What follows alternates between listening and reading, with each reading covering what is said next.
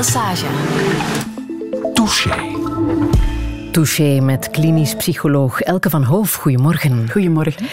Het voorbije jaar was je ook voorzitter van de expertengroep Mental Health en COVID-19. Uh, bezorgd om onze mentale gezondheid dus. Maar ik wil vooral weten, hoe gaat het met jou? Met mij gaat het goed vandaag, absoluut. Maar het was allicht een zwaar jaar, hè? Zoals voor elke Belg, denk ik, met ups en downs. Ja. Hetgeen dat mij wel recht houdt, is natuurlijk met mijn wetenschappelijke blik te kijken wat, hoe intrigerend dit ook is. Hè? Want in nieuwe, onvertrouwde situaties leert je heel snel de werkelijke drivers kennen. En dat vind ik toch heel rijk van informatie. Mhm. En daar kunnen we hopelijk dan ook de geestelijke gezondheid in zijn algemeenheid weer mee vooruit helpen. Mhm. Het is ook hard werken geweest, denk ik, tot op de dag van vandaag. Hard werken, ja. En ook daar ben ik niet alleen. Mhm. Ja, je zat daar net nog een beetje notas te maken en je voor te bereiden op een uh, volgende vergadering. Ja, absoluut. Ja. Um, je lanceerde afgelopen jaar ook de website iedereenoké.be. Heb je daar veel uit geleerd, veel reacties kunnen sprokkelen van mensen? Ja, zeker. Hè. Um, ik denk dat we ook juist op tijd waren. Ondertussen zitten we ruim boven de kaap van 100.000 unieke bezoekers. Um, verspreid over het hele jaar. Er zit ook een, een screener in, wat ons toch ook de vinger aan de pols doet houden bij hoe het gaat met de bevolking. En daar blijkt heel duidelijk dat het goed met ons gaat als we meer bewegingsruimte hebben en dat het minder goed met ons gaat als we minder bewegingsruimte hebben. En bovendien als die mindere bewegingsruimte ook nog eens lang duurt. U vond het ook noodzakelijk hè, dat er zoiets zou zijn om de mentale gezondheid van mensen te meten tijdens dit uh, lastige coronajaar. Dat is recht in mijn uh, talent. Hè. Het zien, iedereen in zijn kot. Ik maakte mij onmiddellijk zorgen over mijn patiënten de patiënten van mijn collega's. Uh, en ik dacht, ja, als iedereen in zijn kot moet zitten, hoe gaan ze dan werken aan hun mentaal welzijn? En dus zijn we daar uh, disruptief geweest en hebben we een standalone tool voor de eerste maal gezet, een stappenplan dat mensen veilig binnen de eigen muren kunnen gaan uh, uitoefenen. En ondertussen wordt dat wereldwijd gebruikt. Hebben we heel veel onderzoeksdata en hebben we ook aangetoond dat, dat dit dus ook kan op een hele veilige manier. En krijgen we ook steeds meer zicht op in welke fase van de getrapte zorg is dit werkelijk een meerwaarde? Want natuurlijk, ik heb het hier niet over psychiatrische patiënten, daarvoor is dit geen optie. Maar de algemene bevolking die zich overspoeld voelt, ja, heeft heel wat gehad aan dit type interventies. Want ondertussen zijn we een jaar verder en hebben er natuurlijk nog andere het licht gezien en hebben we nu een waaier, hè, wat nog beter is natuurlijk. Want niet iedereen voelt zich dan zo happy bij het stappenplan van iedereenoké.be, maar misschien wel met de app van Hou Vast van het Rode Kruis bijvoorbeeld. En dat is belangrijk, dat er voor ieder wat wils is. Ja, je bent een zeer gemotiveerde vrouw. Hoe zou jij jezelf uh, omschrijven? Ja, dat is een bezige bij. Ik heb, uh, Mijn ouders zeiden dat al van kinds af. Hè. Ik sta altijd klaar voor de uittocht van Egypte, zeiden die. Dus van kinds af stond ik recht aan de tafel en dan eten. En dan was ik al opgewonden over het volgende en dan was ik daarmee bezig. En ja, ik ben een onuitputtelijke energiebron. Uh, maar tegelijkertijd cultiveer ik ook mijn talent luiheid. Ik ben onwaarschijnlijk lui. Ik vind dat ook geweldig om te doen. Uh, als het goed weer is, de hangmat buiten zetten en gewoon hangen. Tot op het punt dat mijn man er ambetant van wordt natuurlijk. Maar ja, ik, ik heb daarin denk ik een heel goed evenwicht gevonden. Uh, ik ben een evenwicht dat ook, ook nodig is natuurlijk. Hè? Ja, ja, ja. ja. Hmm. Ik denk dat ik ook alleen maar kan doen wat ik doe vandaag, omdat ik zo'n fantastisch gezin heb. Hè. Ik heb de meest heerlijke man ter wereld. Sorry voor de anderen. maar die zit ook bij mij. Uh, die kent mij ook door en door en die verstaat de kunst net om die balans voor mij heel goed in evenwicht te houden. Mm. En als ik dan dreig wat te ver te gaan om mij dan ja, terug te duwen, of als ik te, te lang in mijn hangmat lig, zo'n keer komt schudden om te zeggen van... Rolt er, ja, rolt er maar uit. En op zondag, wat is dat dan, luieren op zondag? Wel, op zondag normaal gesproken, hè, want misschien is mijn zoon aan het luisteren en is hij nu boos. Op zondag is de afspraak dat ik in bed blijf liggen tot als de kinderen wakker zijn, zodanig dat ze bij mij kunnen kruipen en dat we kunnen babbelen, dat we kunnen luieren, nog wat soezen en vooral praten over de week en wat dat er komt. En ja, dus vandaag is dat niet gebeurd en ik weet dat ik dat straks zeker op mijn brood zal krijgen. Ja. En uitgebreid ontbijten met een glaasje champagne, dat mag ook? Ontbijten doe ik niet meer, nee. Totaal niet? Ook niet op zondag? Nee, nee, ik heb wat dat betreft een zeer strenge coach, waar we het misschien straks nog over gaan hebben. Ik eet pas uh, ja, rond half één. Oké. Ik laat mijn, mijn guilty pleasure is, is champagne, wel, inderdaad. Hè. Ja. Maar dat de laatste keer was op mijn uh, verjaardag. Dat is nog niet zo heel lang geleden, hè. dat was 3 maart. Maar nee, op dit moment uh, ben ik even de broeksriem aan het uh, aanspannen. En het helpt. En het helpt. En ik voel me er vooral heel erg veerkrachtig door en gefocust. Ja, ja. Maar inderdaad, mijn broeken voelen wel net iets comfortabeler. Dat vond ik toch belangrijk. Want net zoals de rest van België heb ik ook die 3% erbij. Ja. En ik denk, nee, bij mij blijft die toch niet hangen. Mm Je bent ook iemand die vooral inspiratie krijgt uh, als ze stofzuigt. Ja, ja, dat vinden mijn collega's vreselijk, ja. Als jij begint te stofzuigen... Ja, dan zijn ze weg, hè. Echt? Ja, ja, echt waar. Echt waar. Ze zijn waarschijnlijk ook aan het luisteren. Ja, als ik in de praktijk denk van... Dan, dan, dan weten ze elke is aan het chicken op iets. En dan, dan denken ze, als ik de stofzuiger neem, dan, dan, ja, dat is, dan zijn mijn, is mijn geest in default, in vrije associatie. En ja, dan moeten ze heel snel naar huis. Want dan weten ze dat, dat, ik, ja, dat ik een aha-erlevenis ga krijgen en dat uh, enige tijd nadien het hele systeem op poten staat en dat ze dus nieuwe opdrachten krijgen. Ja. Dat is wel duidelijk natuurlijk. Dat is heel dat duidelijk. voordelen. Ja, dat is heel duidelijk. Ja. Ook iemand voor wie Einstein een groot voorbeeld ja. is. Niet qua stofzuigen, maar dan nee. qua nee. geestelijke activiteit, denk ik? Ja, eigenlijk niet omwille van hetgeen hij heeft neergezet.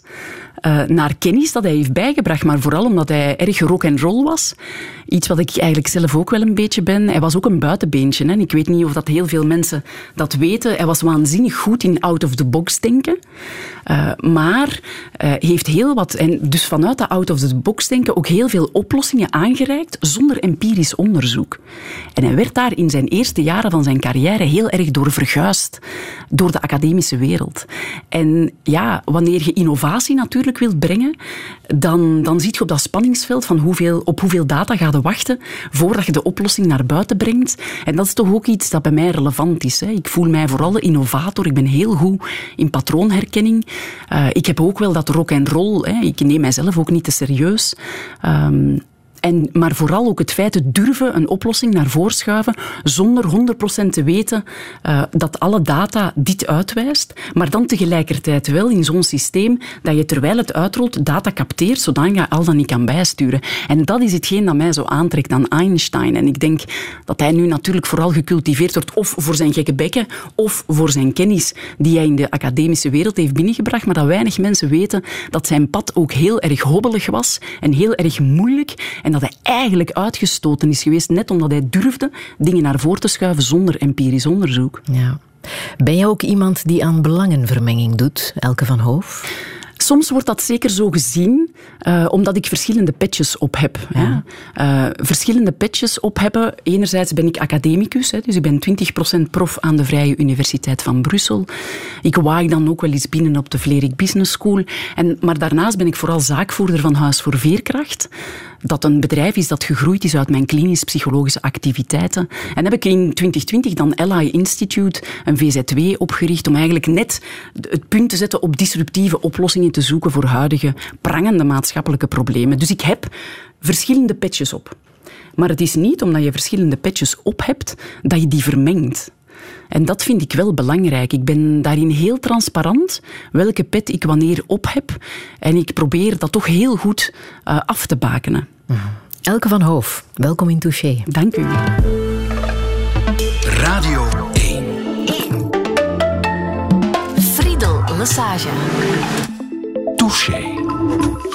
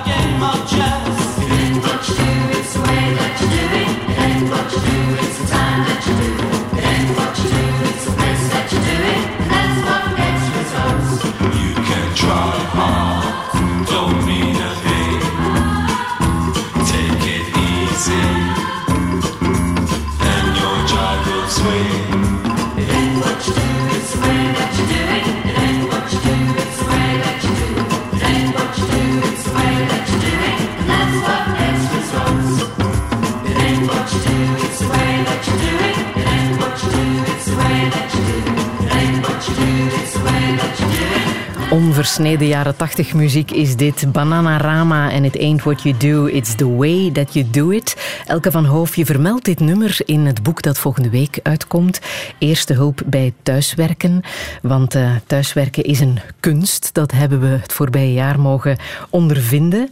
Um, Blijkt uit dat boek voor corona had een kwart van de bevolking geen enkele ervaring met thuiswerken. Ja, en dus ook de bedrijven waarin die mensen zaten ook niet. Ja. En er waren toen allerhande redenen waarom dat, dat niet kon. En dan ja, werden we verplicht thuisgezet en dan bleek dat dat toch in de meerderheid van de gevallen wel kon. Ik heb het natuurlijk niet over productie, maar alle omkadering daar rond, ja, dan, dan moest het en eigenlijk ging het. Wat heb je daarover ontdekt? In hoeverre waren bedrijven uh, slecht georganiseerd um, om die overschakeling naar thuiswerken te maken? Wat waren de, de, de grootste pijnpunten die je hebt ontdekt? Ja, het grootste pijnpunt is dat bedrijven niet georganiseerd zijn om te doen aan telewerk op een manier waarop dat ons werkplezier wordt aangewakkerd. En dat is ook heel moeilijk, hè? omdat er zoveel factoren zijn wanneer mensen thuis zitten die je niet kan controleren. Dat kan je natuurlijk veel beter als iedereen op dezelfde werkplek zit. Die kan je organiseren op een uniforme wijze. Dat gaat niet als iedereen thuis zit. Hè. Je hebt daar geen controle over. En wat ook niet gaat, is dat uh, alles, hè, het welzijn van de mensen gaan sturen, zodanig dat iedereen op hetzelfde moment het moeilijk heeft, iedereen op hetzelfde moment het tof vindt. Ja, dat gaat natuurlijk ook niet. We hebben dat heel veel gezien, dat er een hele grote groep was in het voorjaar die dat fantastisch vond, hè, dat de wereld stilstond. Ik kreeg dat ook heel duidelijk mee. We stappen uit de red race, we hebben tijd voor onszelf. Maar ja, naarmate dat dat langer duurt, ja, is het er bij iedereen ondertussen ook wel af. Hè? Dus voor mij is het grootste pijnpunt dat zelfs één jaar na datum nog maar heel weinig bedrijven echt voorbereid zijn en eigenlijk telewerk nog zien als het kopiëren van hoe het werk eraan toe gaat, hoe het georganiseerd is binnen de bedrijfsmuren, dat kopiëren naar de thuissituatie. Ja, en dat gaat niet natuurlijk. Dat doet pijn. En als we dat gaan blijven verder doen, ja, dan gaan we toch wel tegen heel wat dingen aanbotsen. Het is ook gebleken dat uh, wat sommige mensen als positief hebben ervaren bij het thuiswerken, voor andere mensen dan weer heel erg negatief uh, was. Hè? Uh, zoals bijvoorbeeld um, het woon-werkverkeer dat, dat wegvalt, um, de rust die je hebt thuis. Hoe komt dat dat die verschillen zo groot zijn, dat dat voor sommige mensen positief wordt ervaren en voor anderen dan weer negatief? Ja, omdat onze werkbaarheidsgraad eigenlijk ook afhangt aan de cocktail waaruit wij bestaan. Wat motiveert ons, maar ook wat zijn onze talenten en wie zijn wij? Zijn wij een introvert? Zijn wij een extravert? En ook, hoe ziet onze thuissituatie eruit? En voor heel veel mensen is de commuting time, woon-werkverkeer, een noodzakelijk moment op de dag om de drukte van het bedrijf te laten bezinken en zich op te laten voor de drukte van de thuissituatie. Zich daar kunnen op voorbereiden. Zich daarop kunnen op voorbereiden, een breuklijn te hebben voor anderen is het dan wel, hè, soms hebben ze wel geen kinderen, geen druk huishouden, maar een enorm belangrijk ritueel om het werk ook af te sluiten. Als zij werk hebben dat nooit eindigt, wat nooit, hè, een opdrachten hebben die erin eh, bestaan, hè, opdrachten zonder punt op het einde van de zin, ja, moet je jezelf leren om dat punt te zetten op het einde van de dag. Want anders blijft het natuurlijk maar gaan. En doordat alles thuis in elkaar vloeit en dat we met z'n allen aan de livingtafel zijn gaan zitten, waar je dan ook nog eens je avondmaal, ja, is alles één grote blur geworden en worden constant herinnerd. Eigenlijk is ons werk en dus ook de stressoren van het werk gewoon helemaal ja, in ons huis verspreid. Hè. Onze living, wat eigenlijk een baken van rust moet zijn, of toch relatieve rust. Hè. Ik denk dan aan de ouders met jonge kinderen. Ja, is dat nu gecontamineerd met allerlei toestanden van op het werk? En dat zorgt voor een verhoogde staat van paraatheid bij heel veel mensen. Ja, en ook meer toxische stress. Voor corona leed 1 op 10 aan toxische stress. Nu is dat uh, gestegen naar 1 op 4. Dat is uh, een enorme stijging. Dat is, ja. Wat begrijp jij precies onder toxische stress? Dat is ziekmakend. Toxische stress, dan voelde dat je niet de beste versie van jezelf bent, maar doet het ook al pijn. je hoofd draait niet meer lekker. Eh, en daar is het niet alleen omwille van negatieve gedachten, dat je aan jezelf begint te twijfelen, maar evenzeer gewoon de verwerking van al de informatie doorheen een dag. Als u een nieuwe opdracht geven, dat je precies niet meer kunt capteren van ze vragen me dat en hoe reageer ik daarop? En dan ook fysiek klachten hebben. Slecht slapen, maar ook mottig zijn, druk zo op je borst voelen, dat is ziekmakende stress. En dat is gestegen tot 1 op 4. Nu, tegelijkertijd moet ik daar ook bij zeggen dat ondanks die stijging we wel overal stand houden. Dus de overgrote meerderheid van de mensen die zo hoog scoren nu, die echt in hoog risicogebied zitten, houden nu nog wel stand. En dat zien we dan ook hè, uit cijfers van uitval. Dus dat is positief, maar dat is een zeer fragiel en wankel evenwicht. Dus we moeten ons daar heel bewust van zijn en heel voorzichtig gaan schakelen. We moeten niet te veel druk leggen. We moeten meer aandacht hebben voor communicatie, hoe dat we dingen nog gaan aanbrengen bij mensen. We moeten meer, meer gaan inzetten op co-creatie en participatie om te beletten dat die 1 op 4 dat die door de knieën gaan. Want als die door de knieën gaan, komen die natuurlijk in de bak van bijna een half miljoen mensen die nu al langdurig thuis zitten. En ja, dan op een moment dat ons geestelijk gezondheidszorgsysteem eigenlijk vol zit, dan, ja, daar lig ik dan s'nachts wakker van. Dan denk ik, ja, als je dan weet dat iedereen uitvalt met stressgerelateerde problemen, dat we die eigenlijk binnen de eerste en de derde maand ten laatste bij de psychologen, bij de experten moeten brengen, ja, dan, dan denk ik, ja, hoe gaan we dat doen? Zelfs niet met een leger van 1500 psychologen, vrees ik. Want het blijkt wel dat we dat zullen behouden. Hè. We zullen wel deeltijds thuis blijven werken als alles weer normaal is. Dat is toch wat naar boven komt. Maar wat is dan maar heerlijk toch? advies? Ja. Uh, als dat onze nieuwe situatie wordt. Heel veel bedrijven zeggen van ja, zeker twee dagen op de werkvloer. En die, die het goed doen, die daar aan het over nadenken zijn, die zeggen en die twee dagen, die gaan dan vooral meetinggericht zijn en teambuildingsgericht. Hoe cool zou dat zijn? Teambuilding is nu to top it off als je een keer vijf minuten over hebt. Maar als ze dat nu echt gaan tijd, mandaat voor geven, iemand daar gaan opzetten, ja, dan vind ik dat een vooruitgang. En drie dagen thuis. Uh, thuis kan ook focustijd zijn en kan ook uh, asynchroon werken zijn. Dat zou ik ook een geweldige vooruitgang vinden. Asynchroon wil zeggen dat bedrijven dan er echt wel moeten gaan inzetten op vertrouwen op hun medewerkers. Want dat wil echt zeggen dat ook niet iedereen meer in Zoom hoeft te zitten op het moment dat de meeting is. Dat je de werking zo georganiseerd hebt dat iedereen op tijd alles nodig heeft om zijn job te doen, zelfs als hij niet in die meeting kan komen. Dat is asynchroon. Ja, en dan denk ik dat we echt bijna aan de echte autonomie zijn, hè, waarbij je een opdracht hebt en dat je dat dan integreert en vanuit je eigen talenten dat gaat uitoefenen, uitvoeren, zodanig dat het juiste resultaat komt, maar vanuit je eigen intrinsieke motivatie. Dus ik ben ja, een eeuwige optimist. Ik, ik, ja, ik eis de anderen om dat mee te doen en dat die vlag ook neer te zetten. Want ik denk echt dat we hier een kantelpunt hebben. Maar ook daar, uh, we moeten het goed communiceren, goed verpakken. En we hebben toch nog heel wat bedrijven te begeleiden in die oefening. Dus als er voor corona werd gezegd, thuiswerken wordt het nieuwe normaal, dan zijn we een beetje in snelheid gepakt. Maar het zal wel zo zijn en het zal positief zijn. Is dat de conclusie? Het moet positief zijn. Het, als het loopt zoals het nu loopt, zal het zeker niet positief zijn. Maar ik wil dat het moet positief zijn. Bedrijven hebben nog tijd om zich voor te bereiden, maar ze gaan nog wel een tandje moeten bijsteken. De overheid moet daar wat in gaan stimuleren, wat gaan duwen, incentives geven. Het moet positief zijn. Want voor de nieuwe generaties gaat dit werkelijk helpen om hun te laten floreren. En dat is toch wat, dat, wat dat iedereen probeert te doen. Hè? Vanuit zijn eigen generatie het net een stapje beter maken voor de volgende dus het moet positief zijn.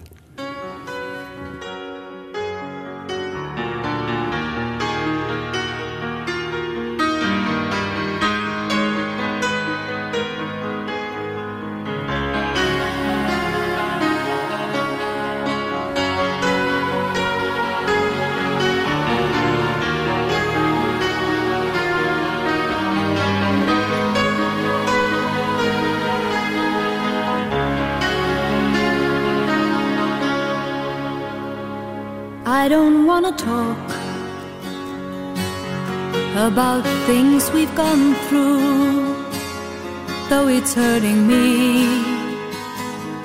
Now it's history. I played all my cards, and that's what you've done too. Nothing more to say, no more race to play. The winner takes it all.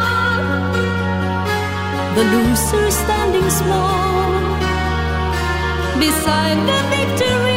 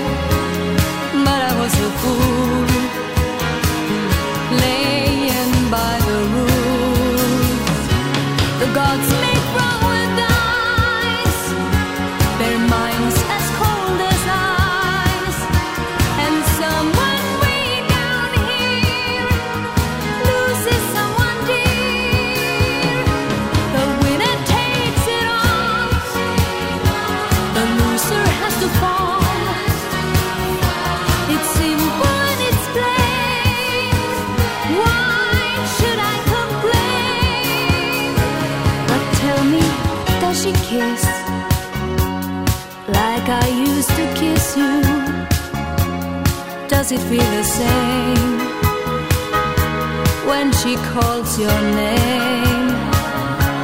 Somewhere deep inside, you must know I miss you.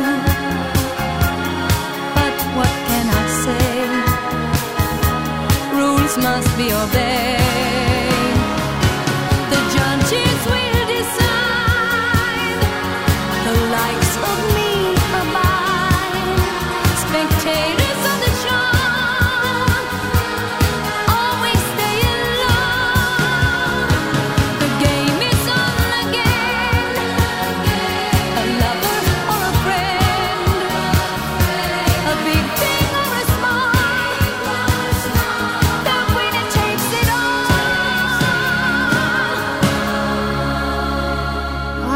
Wanna talk. The Winner Takes It All van eh, ABBA.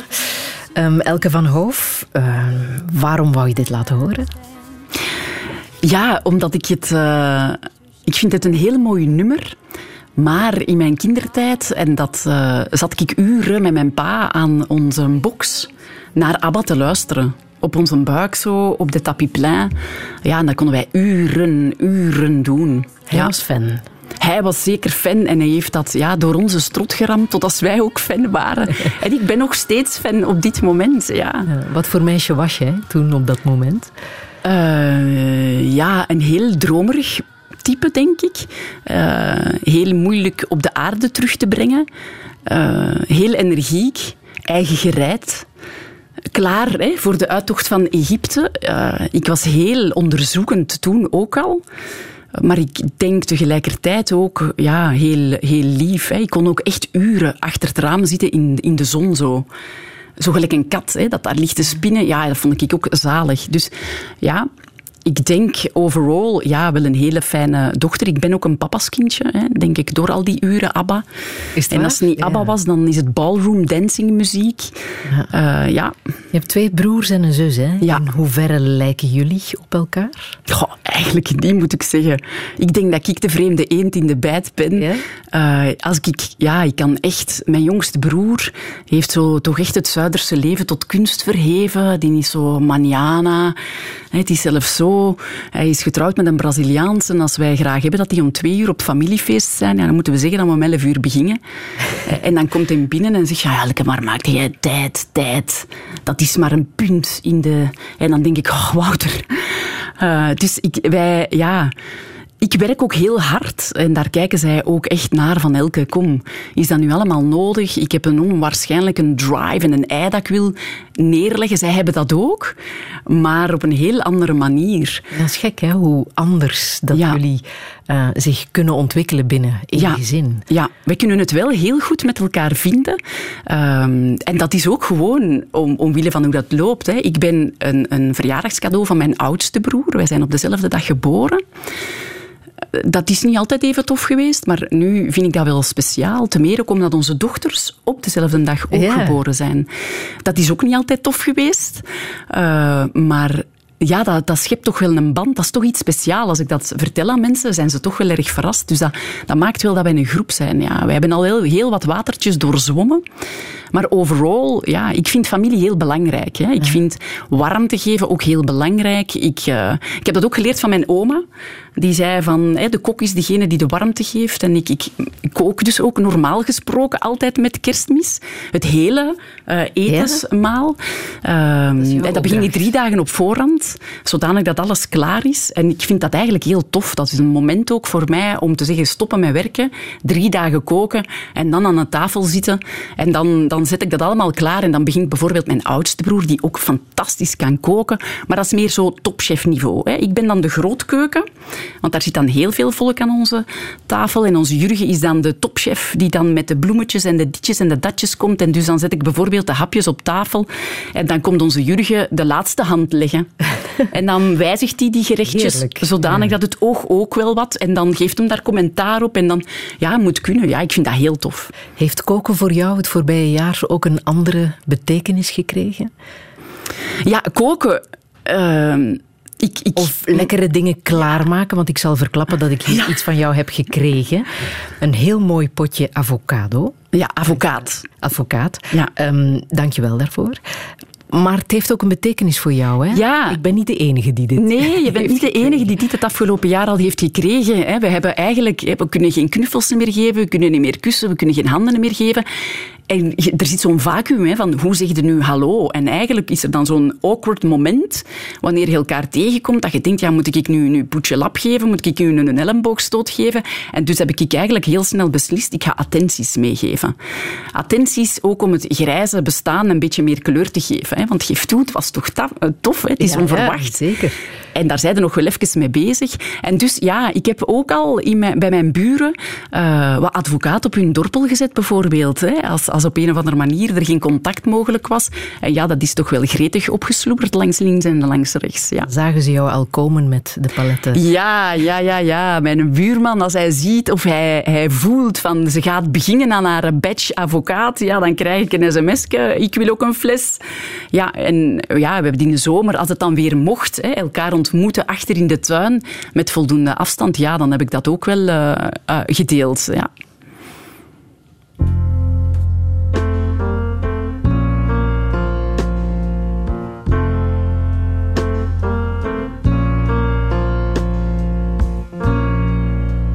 Just a perfect day.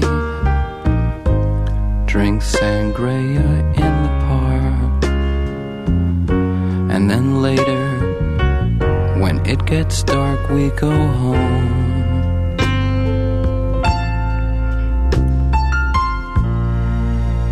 Just a perfect day.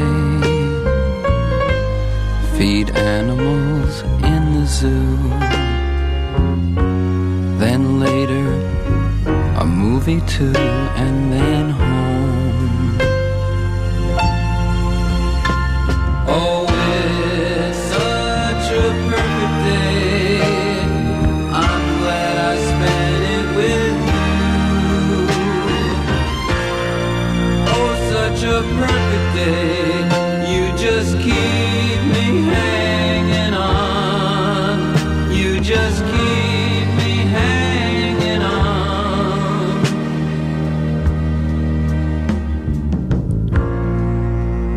Just a perfect day. Problems all left alone. Weekenders on our own. It's such fun.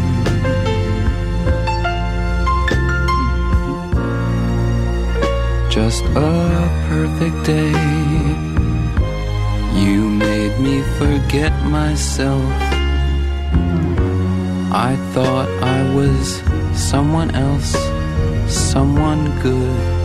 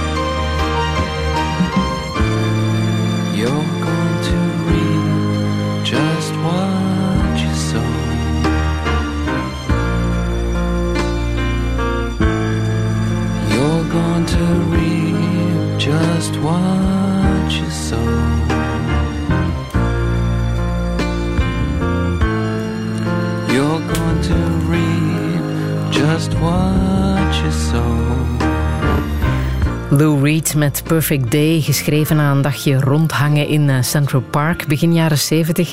Elke van Hoof, welke herinnering hangt aan dit nummer vast voor jou?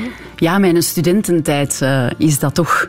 Mm uh, maar evenzeer al die momenten uh, dat ik ja, in de hangmat lig, hè, te luieren. Dat ik echt kan, kan... Dan zit ik te kijken hoe dat gras aan het groeien is. Hè. Of, of kan ik zo uren kijken naar een bijke die zo een bloem zit leeg te zuigen? Ja, vind ik toch echt... Ik kan enorm genieten van de kleine dingen van het, van het leven. Je hebt gekozen om psychologie te studeren. Was dat een evidente keuze op dat moment? Dat was niet het eerste, dat was niet mijn eerste keuze. Uh, ik had altijd gedacht, of ik had altijd willen chirurg worden, hersenchirurg. Dat leek mij het opperste van het opperste. Ik had daar zo'n romantisch idee van. Hè, als dan iemand komt met een probleem, dan snijk ik u gewoon open en dan haal ik dat stuk eruit dat niet goed werkt en dan doe ik dat terug toe en voilà. Het is weer beter. Uh, maar ja, dan kwam ik een meteoriet tegen in, in het pad daar naartoe. Ik had daar wel voor gekozen om meer wetenschappen te gaan doen. Hè, maar dan kwam ik eigenlijk bij een leerkracht terecht die vond dat uh, meisjes met blond haar en blauwe ogen vooral goed waren om in het noord raam te zitten en vooral geen wetenschappers moesten komen afleiden. En dan je zo'n meteoriet op je pad en dan ja, kom je terecht op iets veel beters. Hè. Eigenlijk, uh, want tegelijkertijd moet ik ook bekennen, ik vind het helemaal niet zo tof om mensen aan te raken. Dus ik heb ook helemaal niet zoveel problemen met die coronabeperking van we mogen niet knuffelen. Mensen die dat we niet kennen, ik doe dat eigenlijk ook niet graag. Maar als klinisch psycholoog vind ik dat ik een beetje doe wat een hersenchirurg doe. Ik ga eigenlijk u beter maken, maar ik hoef niet aan u te komen. En dat is voor mij het ultieme. Dus ik, ik ben ergens geraakt waar het nog beter is dankzij zo'n meteoriet die op mijn pad is gekomen. Je bent vooral gespecialiseerd in um, hoogsensitiviteit, stress, burn-out. Allemaal thema's die, denk ik, uh, in het begin van jouw uh, carrière helemaal niet zo uh, hip waren in die academische wereld. Hè? Integendeel. Nee, nee, helemaal niet. Ik ben gestart met chronisch medische aandoeningen en iedereen keek naar mij en zei: wat gaat jij, waar zit je nu toch mee bezig? Uh, maar ik heb dat altijd heel dankbaar werk gevonden. Altijd, ik ben altijd gefocust geweest op, op ja, hoe kunnen we het voor die mensen in het eindstation, hè, chronisch vermoeidheidssyndroom, fibromyalgie, hoe kunnen we het voor hun daar toch ook heel hoe erg ben je daartoe gekomen om je daarin te specialiseren? Ik durf het bijna niet zeggen, maar dat is echt uit luiheid. Echt?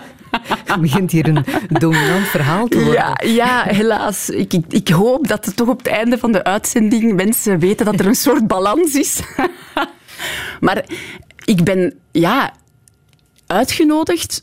Ik denk ongeveer uh, ja, januari, mijn laatste, laatste jaar, om te doctoreren. En dan vooral te doctoreren op chronisch medische aandoeningen. En ik dacht, ja, dat is toch het toppunt. Ik moet niet nadenken, wat wil ik hierna gaan doen? Hoe, hoe geweldig is dat? Dus ik heb daar ja op gezegd. En ja, ik ben daar dan blijven hangen, want ik, ja, ik vond dat wel... De verhalen die mensen u brengen, de, ja, mensen die komen zonder zever, hè, een heel valies vol pillen, en die dan voor mij kwamen zitten en zei ik voel me niet zo goed. En dan, ik herinner me dat ik dan soms keek naar die valies en dacht ik, ja, maar als jij zoveel in je mond steekt, ja, dan, dan kan dat niet anders dan dat jij je niet goed voelt. En dus vandaar ben ik met mijn analytische geest gaan kijken, ja, hoe, hoe kunnen we dat hier beter maken? Dit kan toch niet de bedoeling zijn? En wat voor mensen kreeg je dan vooral over de vloer? Met welke problematiek? Ja, dat was toen vooral na kanker, hè, langdurige kankerbehandeling, hartfalen. Hè, dat waren dan de CEO's, de ondernemers hè, in die tijd, want dat is al ondertussen twintig jaar geleden natuurlijk.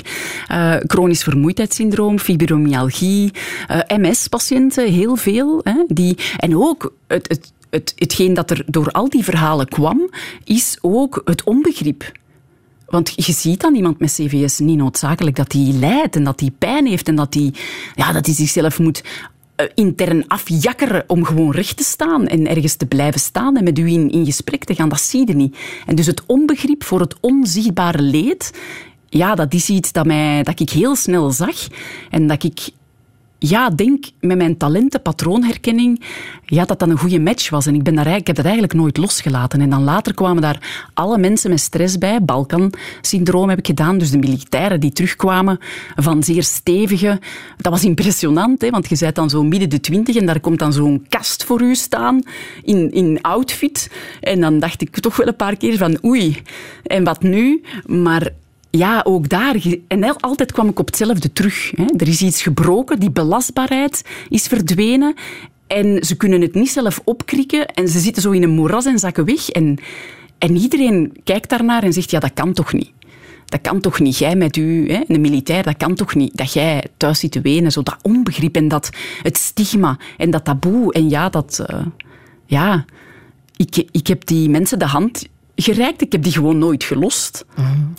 Nu eh, zijn die begrippen al meer ingeburgerd. Hè? Begrippen als hoogsensitiviteit, eh, toxische stress, burn-out. Nu eh, weten we wat dat betekent en hoe mensen zich daarbij kunnen voelen. Maar twintig jaar geleden was dat helemaal niet het geval. Hè?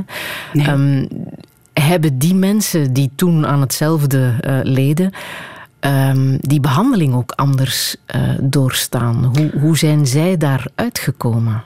Ja, behandeling is al een goed woord. Hè. Die hebben geen behandeling gehad over grote meerderheid. Die kregen gewoon maar te horen, dat kan niet. Het kan niet dat jij pijn hebt. Wij zien niks in u, dus dat kan niet. Het zit tussen de oren. Het zit tussen de oren, gezegd, deal hè? with it en move on. Dus die zijn niet behandeld geweest. hè. Dat- daar zit het grootste probleem. En welke gevolgen heeft dat? Ja, Zie dat- je dat? eh, dat er heel veel mensen met restletsels rondlopen van zo'n breuklijn in hun leven, onnodig.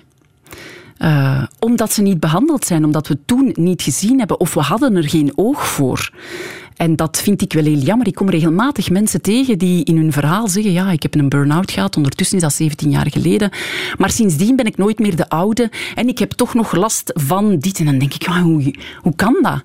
En dus ik, ja, ik ben dan wat idealistisch, denk ik. Hè. Dan, dan denk ik, ja, dit kan toch niet? En dat veroorzaakt wel met een drive. Dat ik denk, ja, dit kunnen we toch niet toelaten. En kan je twintig jaar later nog herstellen? Je kan het altijd beter maken. Hè. Dat, dat is absoluut zo. Maar naarmate dat je langer onbehandeld bent, gaat het ook wel heel wat langzamer gaan. Maar wanneer we dan kunnen werken aan uw belastbaarheid en ook uw mindset, dan kun je ook wel echt op een plek komen waar die mensen misschien niet meer dezelfde zijn als voorheen. Maar dan is de vraag, wilde dat dan nog? Hè? Want er is natuurlijk een reden waarom dat je daar dan bent beland. En dat zij eigenlijk, en dat is dan mijn doel, alles kunnen doen in een dag waar ze zin in hebben, zonder dat ze zich moeten rekenschap hebben. Ja, maar ja, als ik dat te lang doe, dan ga ik dat niet volhouden. En dat is voor mij ook een realistisch doel. Dat is dat mensen gewoon de beste versie van zichzelf kunnen zijn en dus kunnen kiezen waar wil ik mijn dag mee vullen en niet continu moeten denken, ja, maar dan moet ik dit, dan moet ik dat, dan moet ik zus en moet ik zo. Dus als we ze kunnen brengen op een plateau zonder beperkingen, dus waar ze zeer goed weten uit, eh, wat is mijn menu om uit te kiezen, wat zijn de kaarten waarmee ik dit spel speel, en dat ze dan plezier hebben in het spelen van het spel, ja, dan denk ik dat we iets fantastisch hebben gedaan. Mm. Een van de therapieën die jij ook eh, doet is EMDR-therapie. Ja. Ehm, hoe werkt dat precies? Ja, dat is ehm, een vorm hè, van bilaterale stimulatie. Dat wil zeggen dat je eigenlijk linkerkant en rechterkant van het lichaam gaat stimuleren, afzonderlijk, waardoor je een overbelasting krijgt in het werkgeheugen. Dat doen we ook bij andere therapieën. Hè. Bijvoorbeeld cognitieve gedragstherapie doet dat ook. Onder andere door eh, rekensommen te geven. Gaan zij ook het werkgeheugen belasten, zodanig dat je eigenlijk niet meer kunt rationaliseren. Hè, En rationaliseren staat voor al die keren. Je- Je weet waar ik het over heb als ik het u zeg, dat je weet dat je niet moet twijfelen aan jezelf, maar je voelt u zo twijfelen aan jezelf. hè. Je voelt u nog een centimeter groot, terwijl je daar een heel blad hebt met je accomplishments. Eh, tussen, hè, ik weet wel dat het zo is, maar het voelt niet zo. Daar is dan EMDR op geënt. Door die overbelasting gaat je niet rationaliseren en kunnen we veel dieper gaan werken op wat maakt nu dat dat idee in je hoofd ooit is ontstaan. En dus je hebt verschillende ingangen, gelukkig. Hè. Je hebt enerzijds cognitieve gedragstherapie. Je kunt ook oplossingsgericht gaan werken. En ik eh, werk met EMDR. En het, het hele sexy gebeuren waardoor het gekend is, is natuurlijk de oogbewegingen. Hè. We zwaaien met ons hand en je moet met je oog mijn vinger volgen. Maar er zit natuurlijk nog heel wat meer wetenschap daarachter. Ja. Ehm, eh, je kan zeggen, ja, die, die eh, therapieën zijn, zijn heilzaam, maar is het ook belangrijk om bij jezelf te kunnen analyseren of het inderdaad zo erg is dat je naar een therapeut of naar een, eh, een psycholoog moet? Hoe weet je dat bij jezelf? Ja, dat vind ik een heel belangrijke vraag. Hè? Want vandaag zitten we natuurlijk op een punt waar heel veel mensen zich niet lekker voelen in hun vel. En wanneer heb je daar dan een professional voor nodig? Want dat is niet altijd zo. Zelfs in de overgrote meerderheid is dat niet nodig. Hoe weet je dat wel? Is dat dat niet alleen je gedrag is veranderd of je denken, niet alleen vinden dat ongewenst, maar dat je ook niet meer kunt functioneren zoals je dat zelf wilt, dat je daar wordt door overspoeld en dat het eigenlijk lang aanhoudt. Met andere woorden, je hebt zelf geprobeerd om je terug op de rails te trekken, maar het lukt niet. En pragmatisch zeg ik dan van, als je drie keer hebt geprobeerd om het zelf te doen en het gaat niet, ja, dan is het tijd om een stapje hoger te gaan. En dat wil nog niet altijd zeggen, ik moet bij een psycholoog. Dan kan je al eens kijken uh, naar laagdrempeligere hulp. Hè. Laagdrempeligere hulp in eerste instantie uw leidinggevende. Als je nu een empathische leidinggevende hebt of een collega die daar als antenne zit, dan kan dat, of de externe preventiedienst, welzijn op het werk, um, dan kan dat als laagdrempelig. Um, en dan, als dat allemaal niet werkt, ja, dan is een psycholoog echt noodzakelijk. Nu, pas op, ik focus mij nu op de algemene bevolking. Want je hebt natuurlijk ook een groep en die, die ook belangrijk is om aandacht te hebben. Die hebben een kwetsbaarheid en die kwetsbaarheid verhindert hun om goede oplossingen te vinden voor waar zij tegenaan lopen. En die moeten onmiddellijk hulp kunnen krijgen. Daar moeten we direct de hand aannemen als die worden aangereikt. Uh, maar omdat we die triage nog niet heel goed op punt hebben in ons systeem, ja, loopt het fout? Hè? Hebben we soms te weinig plek voor die groep, die laatste groep, omdat we te veel bezig zijn met mensen die het misschien ook op zichzelf zouden kunnen doen? En dat is natuurlijk een gevolg. Twee redenen voor mij. Eén, we zouden iedereen moeten leren hoe je je geestelijk welbevinden kunt optimaliseren, hoe je je veerkracht kunt behouden, cultiveren, uitbouwen. Dat doen we niet. Dat zijn nog maar een aantal pilootprojectjes in onze scholen, want daar heb ik het dan over. Dat dat een vak moet worden van de kleuterklas en in de, in, in de universiteiten. En, en dat dat in elke opleiding moet komen. Dat doen we niet. Dus je kunt moeilijk mensen straffen voor iets wat ze nooit hebben geleerd. Want dan, dan zeggen we dat soms. Ja, maar probeer eens dit. Ja, als er nog nooit iemand u dat heeft gezegd, hoe moet je dat dan weten? Dus we moeten het hun vooral eerst, eerst leren. En ten tweede, er is een enorm taboe, waardoor mensen veel te lang op hun ei blijven zitten. En we moeten echt er een punt van maken dat het oké is om niet oké te zijn als wij hebben een enorme winst geboekt in onze levensvatbaarheid. We worden altijd maar ouder. Geloofde nu werkelijk dat er mensen zijn die zo oud worden zonder een keer tegen een muur te rammen? Dat dat is gewoon niet realistisch. En dus dat, dat picture perfect, dat moet er zo rap mogelijk uit. Mm Het leven leren, hè? Het leven leren. En dat is met doornen. Mm rocking chair, Grandma? Or rather, would you care to dance, Grandmother?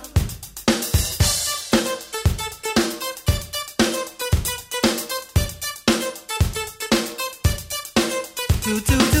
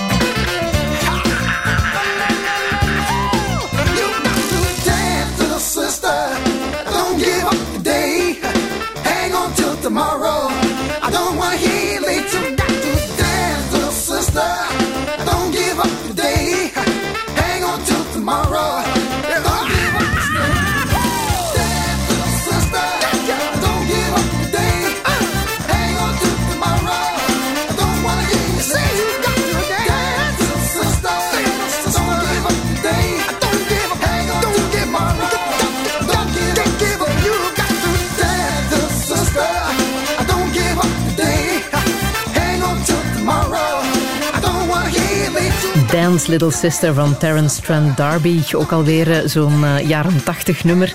Trouwens, alle nummers die je hebt gekozen, Elke van Hoven, die passen perfect in onze Classics 1000, waar mensen vanaf nu kunnen op uh, stemmen. Maar welke herinnering hangt aan dit nummer vast? Ja, wel, dat brengt mij echt spontaan terug naar Oostenrijk. dat is de eerste keer. Dat lied was hip op het moment dat ik voor de eerste keer twee weken mocht gaan skiën. Ik, ik, ik, ski heel graag en ik mocht normaal één, één week per jaar. Uh, mijn mama deed dat ook graag, maar ja, ze kon dat niet meer met rugproblemen. Dus we mochten één week mee om te gaan skiën. En toen mocht ik twee weken. En dan was ik zo blij. En dat, we hebben dat gedaan met oom Jan. En dat is, uh, ja... Mijn onkel die is ondertussen overleden aan aids. En dat is toch... Ja, die heeft mij daar twee weken leren skiën. En dat is toch iets waar ik met veel plezier naar, naar terugkijk. Zo. En elke keer als ik Terence Trent D'Arby hoor, hè, die dan toen heel hip was, ja, moet ik daar direct naar terugdenken. En dan zie ik om Jan eh, zo eh, mij lesgeven en dan ik eh, vloeken, omdat die skibotten natuurlijk, krijgt daar kramp van in uw benen. En dan ja, dansen eh, op Terence Trent D'Arby. Ja, heerlijk. Een onkel die aan aids is gestorven. Ja, ja, ja, en dat is misschien ook een van de dingen die mij, ja, die, zo'n meteoriet, hè. Um, om Jan en Filip, ik ken die alleen maar als levenspartners. In de jaren tachtig was dat taboe. Hè. Allee, uh, en dan hebben die HIV-positief geweest en die zijn dan in de eerste AZT-trial gestapt. En oom Jan had het placebo. En dus Filip is, is over, heeft het overleefd, leeft nog altijd. En oom Jan is gestorven. En dat was mijn onkel, die heeft mij ook uh, leren leren. Die heeft mij zo heel veel tips en tricks meegegeven, hoe dat ik heel veel informatie kon verwerken op korte tijd. Die had ook zo'n geweldige joie de en zo. Dat was zo'n warme onkel, ja, ik was daar helemaal gek van. En om dan iemand te zien wegteren door aids, ja... Hij is uiteindelijk gestorven vlak voor kerst, als ik in tweede kans zat. En ja, dat was heel hard. Ik herinner mij nog dat laatste keer dat bij, bij hem ging, dat dat precies een, een levend skelet was, zoals je dat ziet in de films. Hè. Die mhm. tanden waren precies groot. Hij had ook gangreen. En ik denk dat er weinig uh, professionals zijn uh, vandaag de dag die gangreen hebben verzorgd. Hè. Dat heb ik gedaan, omwille van aids. Maar ook dat onbegrip. Dat mensen die kwamen zeggen, hè, zelfs op zijn begrafenis, als een straf van God. Ja, ik heb daar echt naar gekeken en dat, ja, ik voel het nu als ik het moet vertellen. Dat is, ja, maar mm, dat was heel hard eh, wat mensen ons kwamen zeggen. Ik, ik was mijn favoriete onkel kwijt. Ik merk ook bij mijn onkels en tantes, bij mijn mama, dat dat heel diep zit. Wij lijden daar nog altijd, omdat door dat stigma, door dat taboe, door al dat onbegrip, heb ik precies het gevoel dat wij dat rouwproces niet hebben kunnen doen zoals dat, dat eigenlijk zou moeten. Ja, en dat heeft mij toch ja, getekend. En dat heeft mij ook mijn academische carrière getekend. Hè. Dat, en misschien is dat, was dat dan te traumatisch voor mij, zo dat, verheerlijken van de randomized control trials. Van, we hebben altijd een placebo-groep nodig dat we moeten vergelijken met een actief product. Nu zou dat niet meer zo zijn, natuurlijk. Maar toen, ja, en dan... En, en al, alles wat dat teweeg brengt. Ik heb geen relatie meer met Philippe. Omdat je kunt dat gewoon niet volhouden. Je kijkt naar die man en je denkt ja, op sommige momenten, ik ben maar een mens, hè, denk ik, ja, waarom, waarom kon hem Jan niet? Mhm. Ja, ik word er... Je was een beetje de, de dochter die hij niet heeft gehad. Dat weet ik niet, want dat denk ik dat mijn zus was. Mijn zus was uh, zijn petekind. En uh, dus dat denk ik, ja, en die werd zo verwend door oom Jan. Maar oom Jan was gewoon een hele ja, warme mens. Die heeft mij ook echt geleerd van Elke, neem het leven zoals het komt. En ziet overal de, de bloemen die beginnen te bloeien. Ja. Mhm. En die geloofden ook zo in mij. Die, die, na die periode dat ik dan zo kwam achter die, ja, die, die leerkracht die mij zo pestte, ja, heeft om Jan echt zomers hè, zo gepompt. Ik geloof in u en jij kunt dat en jij moet... Ja, en dat is een ongelooflijk geschenk, want hij was toen al ziek. En dat hij dat nog heeft gedaan, ja, dat vind ik echt, echt super. Er zit ook een heel warme levensles in um, jouw favoriete film, waar ik nog even muziek wil uit laten horen. En dat is uh, Avatar, ja. een science fiction film van James Cameron. Um, toen uh, de meest succesvolle bioscoopfilm uh, van het moment. Um, waarom is die film bij jou zo hard binnengekomen?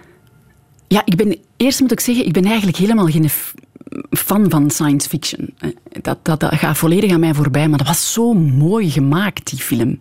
Die kleuren en die... Ja, ik vond dat zo mooi. En dan is daar een fragment in waarop hè, dat dan die avatar kijkt in de ogen van een mens, duidelijk twee verschillende wezens, en dat die... Hè, I see you. En voor mij is dat werkelijk de kern van de samenleving.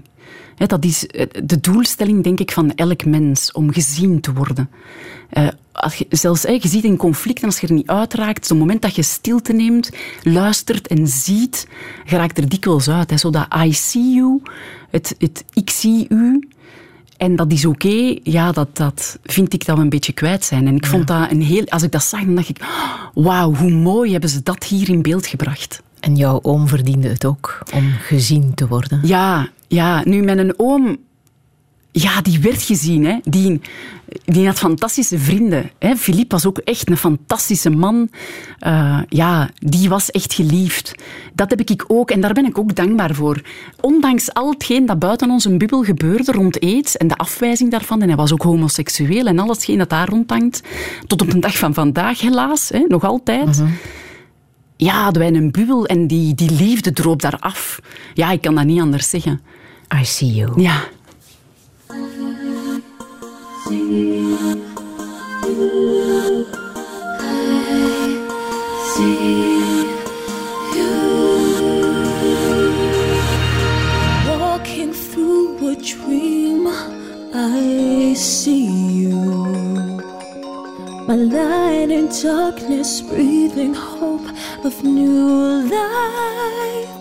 Now I live through you and you through me, enchanting. I pray in my heart that this dream never ends.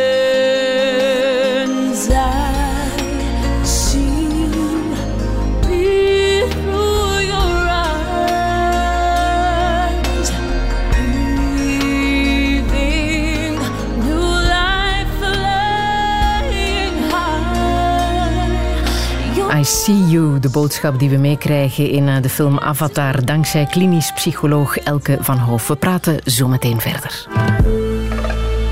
Radio 1. Friedel Lassage. Touché. Touché met klinisch psycholoog Elke van Hoof. Tijdens het voorbije coronajaar werkte ze thuis aan een nieuw boek. Eerste hulp bij thuiswerken. Ook al leek dit eerder al het nieuwe normaal, nu pas weten we echt hoe het is om thuis je werkdag te organiseren. En ook al dromen we ervan weer gewoon naar het werk te kunnen, toch zal het een deel van ons leven worden. En dit is lang niet de enige eerste mentale, de enige mentale aanpassing die Elke van Hoof bestudeert. Eerder deed ze dat ook al met stress, burn-out en hoogsensitiviteit. Maar hoe moet het verder? Zijn we communicatiever geworden als het gaat over mentaal welzijn? Gaf Meghan Markle het goede voorbeeld?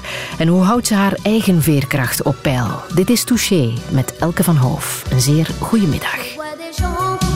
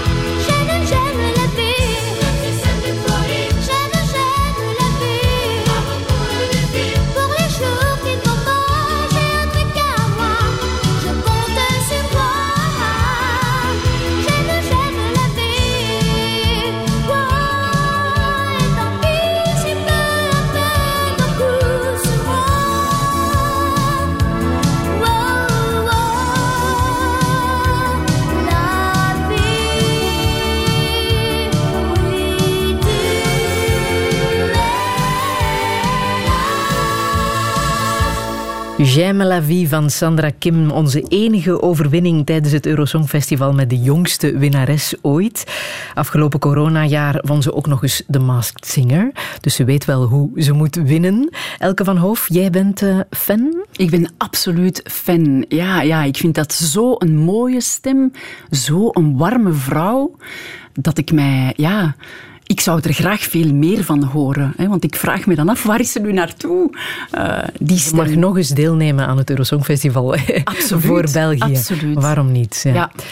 Elke van Hoof, afgelopen week uh, keken bijna 1 miljoen Belgen naar het interview van Oprah Winfrey met haar buren in Californië, Prins Harry en uh, Meghan Markle. Ik vermoed dat jij ook hebt gekeken.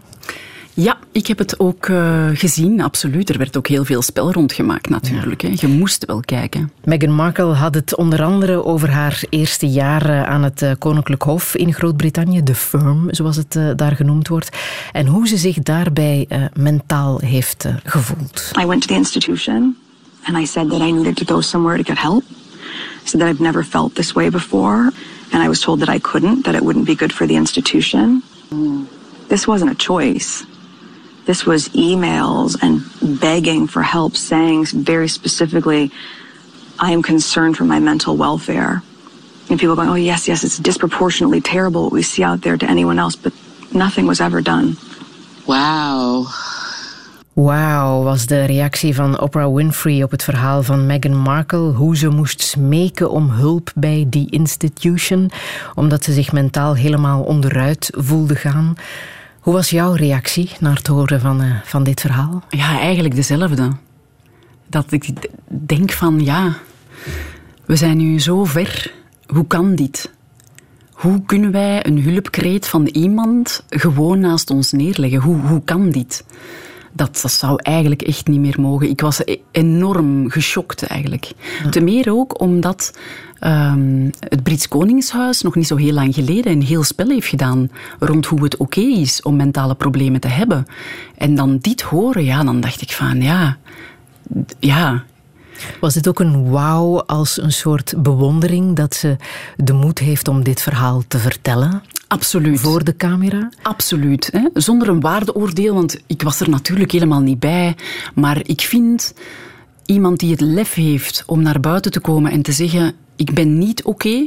of ik ben niet oké geweest. En vanuit dit verhaal wil ik eigenlijk de, de weg plaveien voor wie achter mij komt.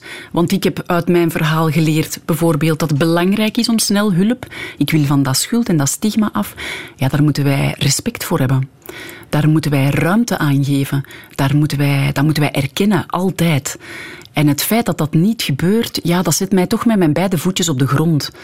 Ik had gehoopt dat zo diep in mijn carrière, met zoveel drive dat ik dat doe, met zoveel ja, steentjes dat ik wil verleggen, ik niet alleen, maar natuurlijk heel veel mensen rondom mij, om dat dan te moeten horen, dat op een moment dat het echt telt voor iemand en zegt van ik kan dit niet meer, dat wij die hand niet aannemen, ja, dat, uh, ja, dat vind ik echt niet kunnen. De dag nadien was er de reactie van uh, de journalist Piers Morgan in uh, de zeer druk bekeken ontbijtshow van uh, ITV, Good Morning Britain, waar heel veel reactie op gekomen is. I'm sorry, I don't believe a word she says, Meghan Markle. Well, that's a I wouldn't believe it if she read me a weather report. And the fact that she's fired up this, this onslaught against our royal family, I think is contemptible. Touché.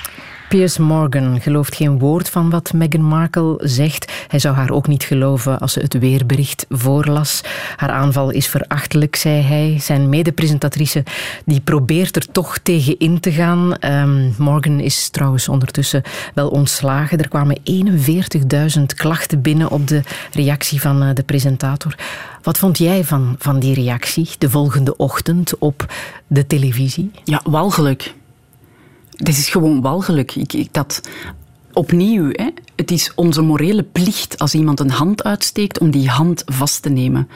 Het is belangrijk hè, dat, dat wij erkennen dat de beleving van de ander dat dat altijd het vertrekpunt moet zijn. Van elke hulpvraag, of het nu gesteld is aan een professional of geuit in uw eigen netwerk. Als iemand hulp vraagt, is het altijd de waarheid vanuit de beleving van de hulpvrager. Dat is onze morele plicht, dat is een basiselement in onze democratie. Het is ook dat zo bashing nadien, ja, daar gaat het helemaal van door de knieën natuurlijk. Want je probeert dat stigma te overstijgen. Je probeert iets te doen voor de maatschappij. Je komt eigenlijk met, met je hart in je handen naar buiten. En dat er dan iemand dat wegsmijt door zo'n reactie, ja, dat draagt je nog veel langer mee dan eigenlijk het moment waarop dat je je niet goed voelde. Mm. Het is, ja, dat is, ik vind dat walgelijk. Is het ook een um, herkenbaar iets? Um, naar buiten durven komen met je eigen verhaal en, en de kwetsbaarheid die je dan ook toont? Ja, herken dat is, je dat zelf? Ik herken dat zeker zelf. Hè. Ik ben uh, open over momenten in mijn leven waar ik het zelf heel erg moeilijk heb gehad. Um, van ook vanuit het idee uh, om te tonen dat er leven nadien is. Net zoals bij, bij borstkankerpatiënten. Ik kan als professional nog zoveel wetenschap aanbrengen. Maar als er daar een andere ex-borstkankerpatiënt naast staat, die borsten heeft laten amputeren, die toont ik heb een topleven, ja, dat kun je als professional niet tegenop. En ik ben zelf mental health professional. Ik vind dat mijn plicht om te tonen dat je werkelijk nog een beter leven kunt hebben door zo'n periodes door te gaan. Ik vind dat belangrijk. Ik vind het belangrijk om te zeggen, één, het is oké om niet oké te zijn.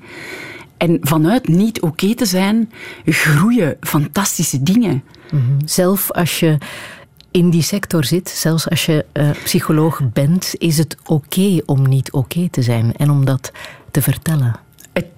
Ik vind van wel. Maar ik heb ook al ervaren in het verleden dat er heel wat collega's zijn die nog worstelen daarmee. Die tonen, die worstelen met het feit dat wij een klankbord zijn. Wij zijn een hefboom om te komen tot herstel. En dat het misschien ook een punt is dat, dat wie hulp vraagt en bij de hefboom komt zitten, moet zeker zijn dat die hefboom wel goed werkt. En als ik dat hoorde, dan dacht ik, ja, maar ga jij er nu vanuit, omdat ik een moeilijk moment heb gehad in mijn leven, dat, dat mijn hefboom niet meer goed werkt? Hij werkt misschien beter als die van u. Net omdat ik weet hoe diep die gedrochten zijn die in uw hersenen leven. En hoe. En ik vind het belangrijk om te tonen aan mensen: ik ben there, done that. En ik floreer. Ik, heb, ik ben hè, on the top of my game. Dat is belangrijk, wetende dat daar, dat daar, dat daar iemand is uitgeraakt. Mm. Dat is voor mensen die het nu moeilijk hebben en in de modder staan essentieel. We hebben elkaar eens gesproken in het kader van de grote levensvragen een aantal jaren geleden, waar je inderdaad hebt verteld dat je zelf uh, heel erg diep hebt uh, gezeten. Um, dat was door een ontslag, een ontslag dat bij jou slecht is aangekomen. Twee dingen. Hè. Dat was eigenlijk een moment waarop ik een heel deel van mijn autonomie heb moeten afstaan, omdat ik heel slechte ogen heb. Um, en ik kan niet zien in het donker. En je bent dan midden de dertig. En je kunt ineens niet meer met een auto rijden om vijf uur in de winter. Niemand verstaat dat. Je ziet mij heel krachtig, heel stevig in mijn schoenen. En dan moet ik zeggen, ja, ik kan niet meer tot bij u komen, want ik kan niet met een auto rijden. Iedereen dacht, ja, die vangt. Uh, en ik heb dat moeten afstaan. Ik moest altijd hulp vragen. Ik heb dat toen veel moeten uitleggen aan mensen. Zelfs mijn eigen familie, die had zoiets zeggen. Elke, wat, wat. En dat was zelfs zo erg, hè, als mijn oma gestorven is ik wist dat ze aan haar laatste adem bezig was. En ik, ik, ik, ik was zelf aan het stuur. En ik, ik heb naar buiten zitten kijken en ik, ik wou echt blijven tot het einde. En ik kon dat niet. Want ik keek naar het licht en ik dacht... Ik moet nu vertrekken, want ik raak anders met mijn notte niet meer thuis. En dan moet ik weer bellen. En ik heb mijn oma achtergelaten. En dat is toch... Ja, nog altijd heel moeilijk. Want ik was in een auto. Ik denk dat ik twintig minuten weg was. Ik moest ongeveer een drie kwartier rijden. En dus in een elf van dat... Ja, belde mijn pa om te zeggen... Uw oma is dood. En dat... Ja... Dat heb ik toch heel, heel moeilijk. Dat vind ik nog altijd heel moeilijk. Ja, ik merk het, ja. Ja, daar had ik graag... Dus ik heb een heel deel van mijn autonomie moeten afstaan. En dat heeft dan verstrekkende gevolgen, hè, want dan, dan kun je niet meer rijden. Ik doe veel lezingen, dat is altijd s'avonds, dan moet je een chauffeur pakken. En dan denkt iedereen, dan zie daar ze met haar een dikke nek omdat je een chauffeur nodig hebt. Ik hoef toch niet aan iedereen uit te leggen dat ik gewoon het niet kan als ik dat niet heb. Maar ik krijg ook heel veel onbegrip. En dus die moment dat dat echt tot uiting kwam en dat ik mijn autonomie moest afstaan, uh, op die moment ja, zat ik in een functie waar het er heel veel speelde. En ja, ik heb moeten afstand nemen en dan, ja, hebben ze, de, om een lang verhaal kort te maken, en vanuit mijn beleving de poten van onder mijn stoel gezaagd. En hebben ze mij dan uit een TGV geduwd. Een TGV tegen 200 per uur, deur open, woef, jij eruit. Ja, dat, dat doet pijn, hè. En heeft die werkgever ooit um, van jou gehoord hoe jij dat ontslag hebt beleefd? Nee. Nee. En dat is oké. want ja? Ik, als ik er... Ja, ja, echt waar. Het is echt oké. Het is eigenlijk een hele goede beslissing dat zij hebben genomen. Ik had het nooit zelf gedaan. En als ik er nu op terugkijk, ben ik eigenlijk heel erg dankbaar dat dat gebeurd is. Vreemd, hè? Want aan de ene kant, op dat moment was het het ergste wat jou kon overkomen. Ja. Dat de poten onder jouw stoel werden vandaan ja, gezaagd. Maar eigenlijk was mijn zin nog niet af. Ja. Ik ben heel dankbaar dat ze dat hebben gedaan. Maar tot op de dag van vandaag, als ik kijk naar de manier waarop dat dat is gebeurd, dat blijft voor mij echt uh, onmenselijk. Dat, dat had dat, beter gekund. Dat is uh, een understatement. Uh, omdat ik nog altijd met de gevolgen van de karaktermoord vandaag leef. Hè, dat, dus ja, dat is ja, dat is heel, heel moeilijk. Maar dat het gebeurd is, daar ben ik heel dankbaar voor. Ik had het nooit zelf gedaan en ik had hier vandaag niet gestaan. Ik had nooit mijn eigen, eh, mijn eigen praktijk uitgebouwd tot een bedrijf. Ik had nooit mij zo vrij gevoeld. Ik had nooit uh, de noodzaak en de urgency gehad om mijzelf eens echt onder de loep te nemen.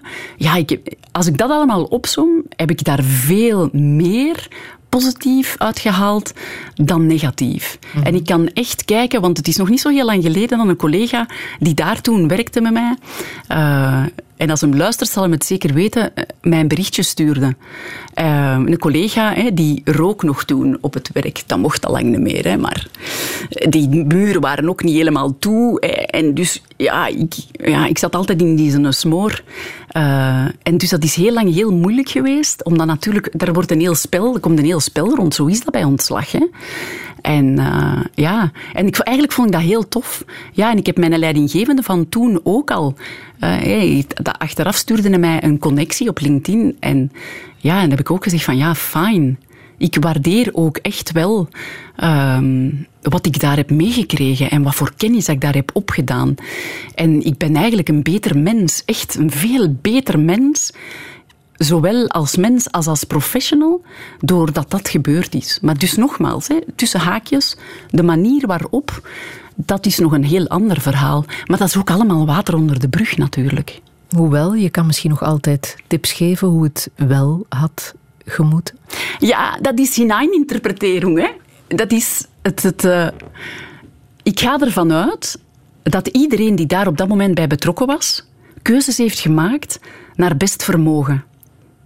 Ik ook. Hè? Zij ook. En wetende wat ik nu weet, ja, had ik, het, had ik het misschien anders aangepakt. Maar ik wist toen niet wat ik nu weet. Dus dat is hineininterpretering. Dat staat zo haaks op mijn wetenschappelijke principes dat ik daar helemaal niet naartoe wil gaan. En dat is een valkuil trouwens die we heel fel in de maatschappij zien. Hè?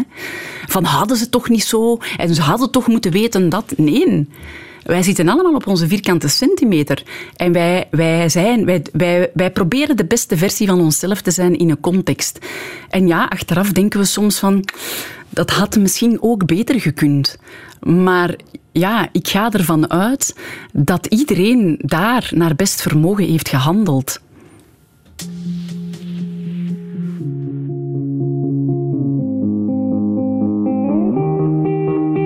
I wanna dance by water beneath the Mexican sky. Drink some margaritas by swinging blue lights. Listen to the mariachi play at midnight. Are you with me? Are you with me?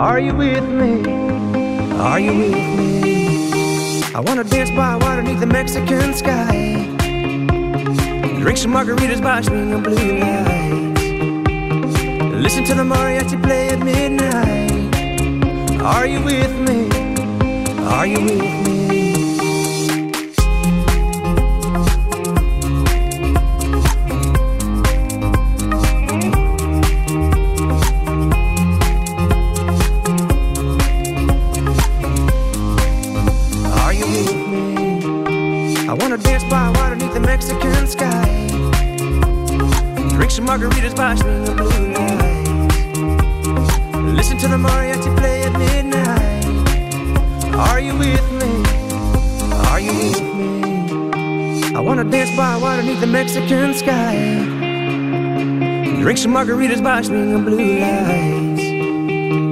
Listen to the mariachi play at midnight.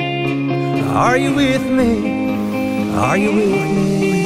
Lost Frequencies met zijn versie van eh, Are You With Me. Hij mocht afgelopen zomer, naar aanleiding van de Nationale Feestdag, op het dak van het paleis optreden. Dat was een absolute primeur. Elke van Hoof, jij was jaloers dat hij daar mocht staan.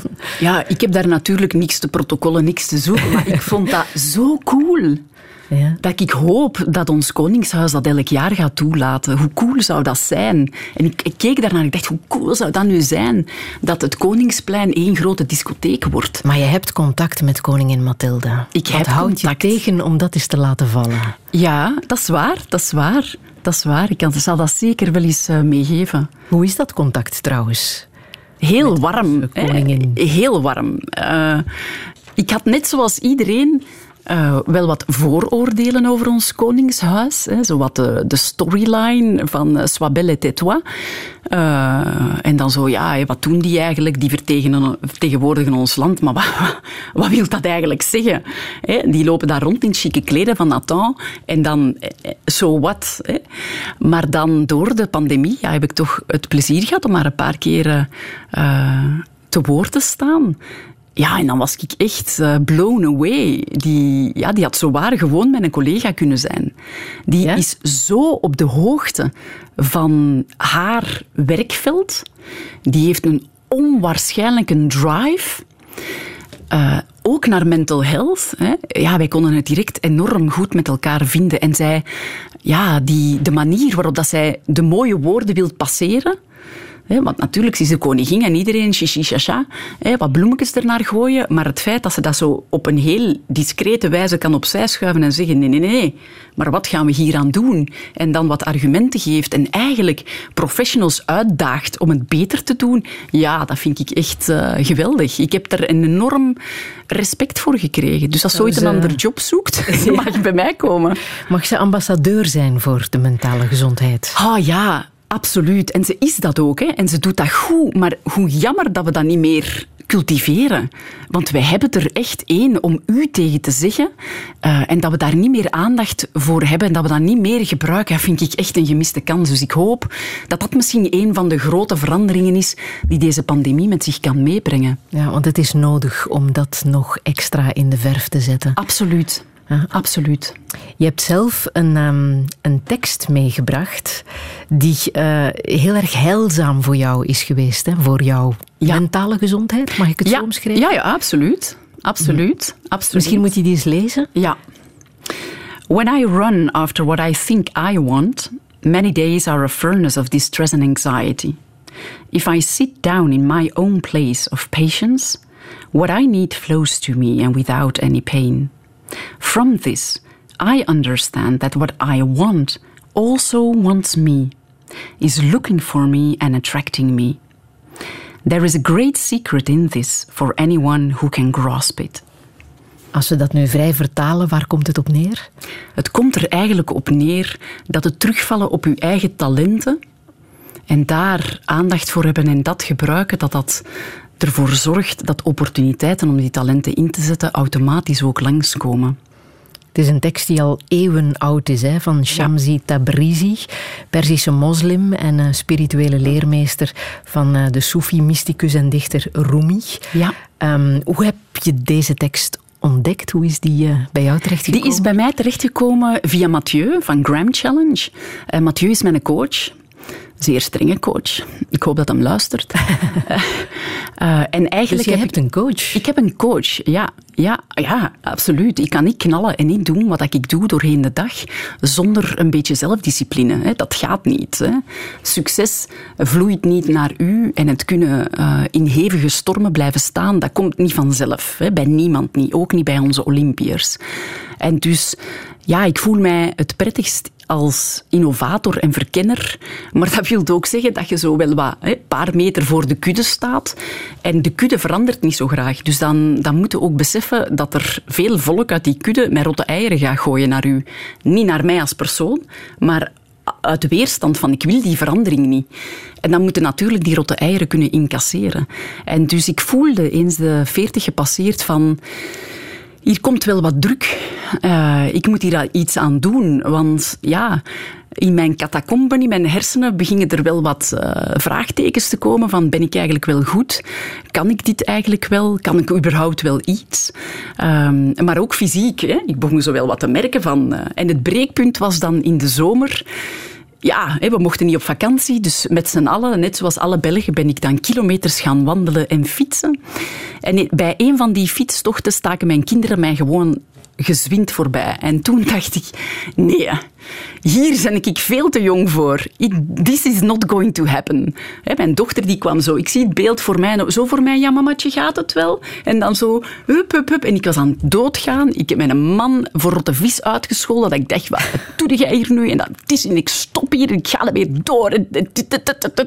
En dan ben ik thuisgekomen en dacht ik, nee wat ga ik nu doen? Ga ik nu hè, de mama worden die koffie slurpt als de papa met de kinderen gaat sporten? Of ga ik toch zeggen, nee, dit is nog net iets te vroeg. En voor mij was het tweede. En dan ben ik een coach gaan zoeken. En dat is Mathieu geworden. Ik had echt iemand nodig die mij kon uitdagen op mijn niveau. Die mij fysiek sterk kon maken. En die ook hè, dat, dat mentale meepakte. En dat heeft hij ja, tot hiertoe al fantastisch gedaan. Ik hoe doet hij dat? Ja, die doet dat door de zweep erop te gooien. Uh, die geeft mij een trainingsprogramma fysiek. Hè, dus ik uh, moet daarvoor opstaan om zes uur s morgens. Uh, om daar door te gaan. Of s'avonds voor het avondeten ook nog eens wat roeien bijvoorbeeld. Dat zijn, geen dramatische aantallen kilometers. Hè. Dus dat is niet dat ik altijd dood... Hè. Dat is heel goed afgeroomd eigenlijk. Eigenlijk stoppen we op het moment dat ik echt voel dat mijn lichaam klaar is om iets stop neer te zetten. Dus dat is heel, heel goed ja, uitgerekend. En dan um, werkt hij met mij door mij uit te dagen. Hè, door te gaan kijken van ja, waar loopt het tegenaan en is dat wel zo? En ja, wat prikkels te geven om u naar uzelf op een andere manier te kijken. En dan nu, hè, sinds kort ja, om uh, door mij ook mijn voeding onder de loep te nemen. En dat, ja... Ik denk dat hij had gehoopt dat ik al wat verder gevorderd was, alleen met de fysiek. Uh, maar uh, voilà, nu heb ik een heel strak schema. En ik moet eigenlijk zeggen, het, het, het uh, ja, past mij perfect. Ja? ja het wat past zijn de grootste wijzigingen, verbeteringen die je merkt? Ja, uh, verbetering is, ik, ik slaap veel beter. Ik ben veel meer gefocust. Uh, en ik voel mij veel lichter op een heel... Uh, maar lichter ja, in de zin van dat ik precies meer energie heb. Mijn energie moet niet gaan naar mijn verteringsprocessen. Ik kan die gewoon zelf gebruiken. want het, het voedingsschema is, wordt als heel strikt ervaren door mensen als ik het eh, vertel. Uh, ik, ik uh, eet om half één ongeveer en dan oh, tussen kwart na zes, kwart na zeven. En that's it. Hè. Geen tussendoortjes, niks anders. Ook wat ik dan op die twee momenten eet, is, is ja, wat uitgedacht. Ik heb daar veel opties hoor, want ik heb echt niet het gevoel dat ik mij uithonger. Absoluut niet. Dat wil ik even heel, duidelijk stellen. Ik heb het gevoel dat ik veel mag eten en nog altijd heel veel mag eten wat ik heel lekker vind. Griekse yoghurt met, met fruit en noten en dan dadels daarin, want ik ben gek van dadels. Uh, en dan s'avonds ja, eet ik gewoon mega veel groenten en, en proteïne. Allee, ik heb echt niet het gevoel dat ik weinig mag eten. Ik eet gewoon heel anders, uh, in een vaste structuur. Ehm, ja, ik had een, een geweldig vieze gewoonte uh, met light frisdrank te drinken. Die is eruit. dus dat, ik denk dat heel mijn omgeving daar heel blij voor is. Ik drink nu water, water, platwater, water met bubbels, water met gember in, maar altijd water. En dat gaat prima. En gaat het lukken om als het moment gekomen is dat je de natuurlijke slijtage van je lichaam toch moet aanvaarden, dat dat gaat lukken? Absoluut. Want mijn doelen zijn niet de doelen van een Olympier. Hè? Mijn doelen zijn doelen dat ik voel dat mijn lichaam mij voorziet in het kunnen doen wat ik wil neerzetten. Ik heb zeker niet hè, de drang naar 25 jaar en wat je kunt fysiek op 25 jaar. Ik heb gewoon de drang om ja, de beste versie te zijn. En ik voelde dat ik dat niet was. Omdat ik misschien net iets te lang had gelegen in mijn hangmat. Je belastbaarheid verhogen. Ja, mijn belastbaarheid verhogen. En dan kun je ook veel meer incasseren natuurlijk.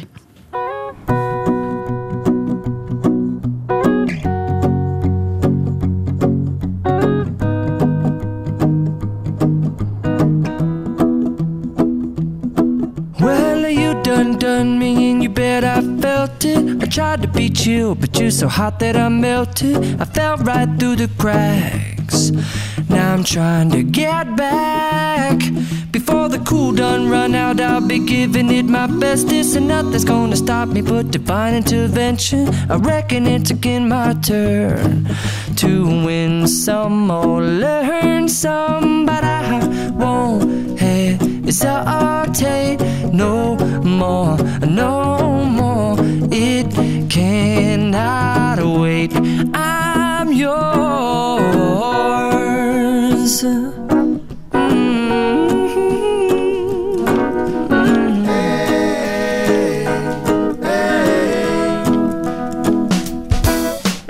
Mm-hmm. Well, open up your mind and see like me.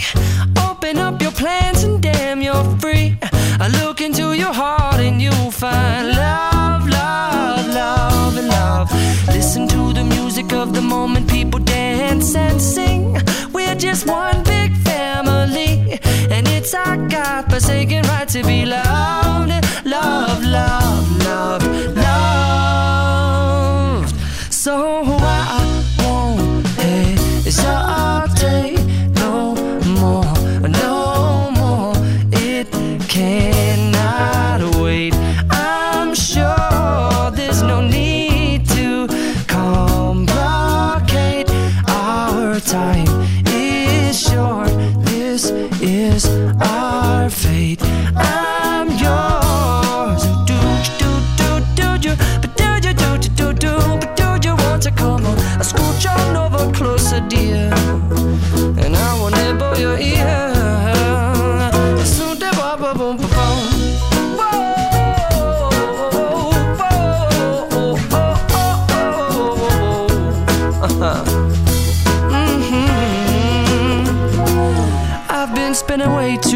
checking my tongue in the mirror and bending over backwards just to try to see it clearer. But my breath fogged up the glass, and so I drew a new face and I laughed. I guess what I'll be saying is there ain't no better reason to rid yourself of vanities and just go with the seasons. It's what we aim to do. Our name is our virtue, but I won't hesitate no more, no more. It cannot wait. I'm yours.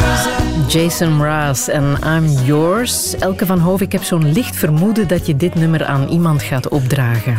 Ja, dat is voor mijn man. Hè. Ja. Die verdient de Nobelprijs hè, voor hetgeen dat hij doet voor mij, zodanig dat ik echt kan floreren en kan doen wat ik wil doen. Ja. Wat is zijn allergrootste talent, volgens jou? Zijn allergrootste talent is zo'n bubbel creëren. Ik, ik, uh, ik heb best wel een pittig leven, heel, veel storm, heel stormachtig. Uh, door de job die ik kies, door de combinaties dat ik doe. En als ik dan thuis binnenkom, ja, dan is daar een bubbel waarin dat ik... En alles is buiten. En dan ben ik gewoon elke. En dat, ja, dat vind ik... Ik zou het niet kunnen doen wat ik nu doe zonder dat. Ik kan ook niet slapen zonder mijn man. Ik, ik, ik, ga niet graag op congressen naar het buitenland, omdat ik dan niet slaap. Ik, heb die, ja, ik heb die ademhaling van mijn man nodig, als een soort van mantra op de achtergrond. Ja. Lukt het voor jou om een evenwicht te vinden tussen een goede psycholoog zijn, een goede moeder zijn en een goede partner zijn?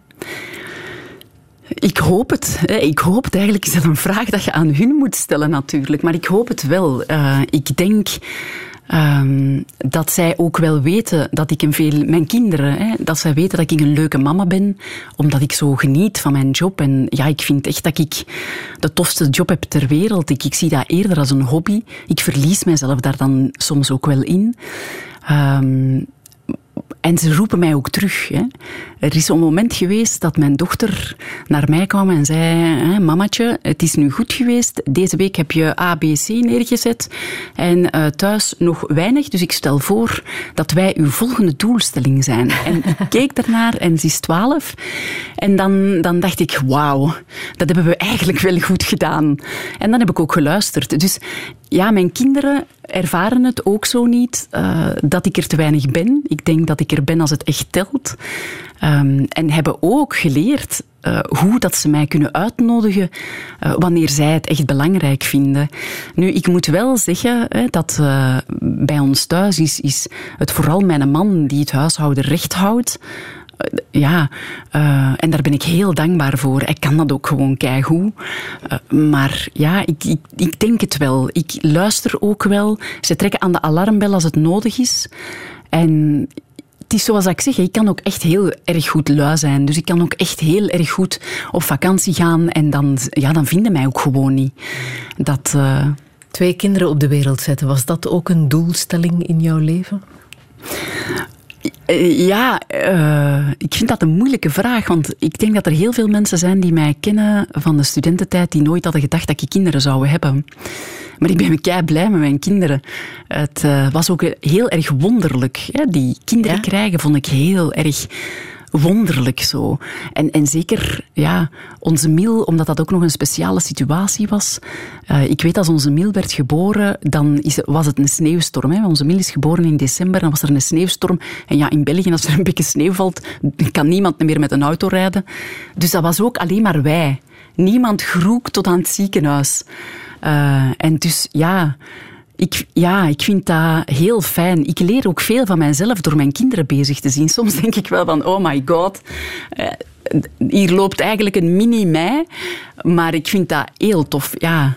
ja. Het waren ook geen evidente bevallingen, hè, dacht ik. Het zijn geen evidente bevallingen geweest. Geen een van de twee. Nee, nee. Uh, nee, ons Emma was een spoedkeizersnee. Ik had al heel graag gehad om onder water te bevallen. Maar voilà, kijk, je kunt niet winnen van de natuur.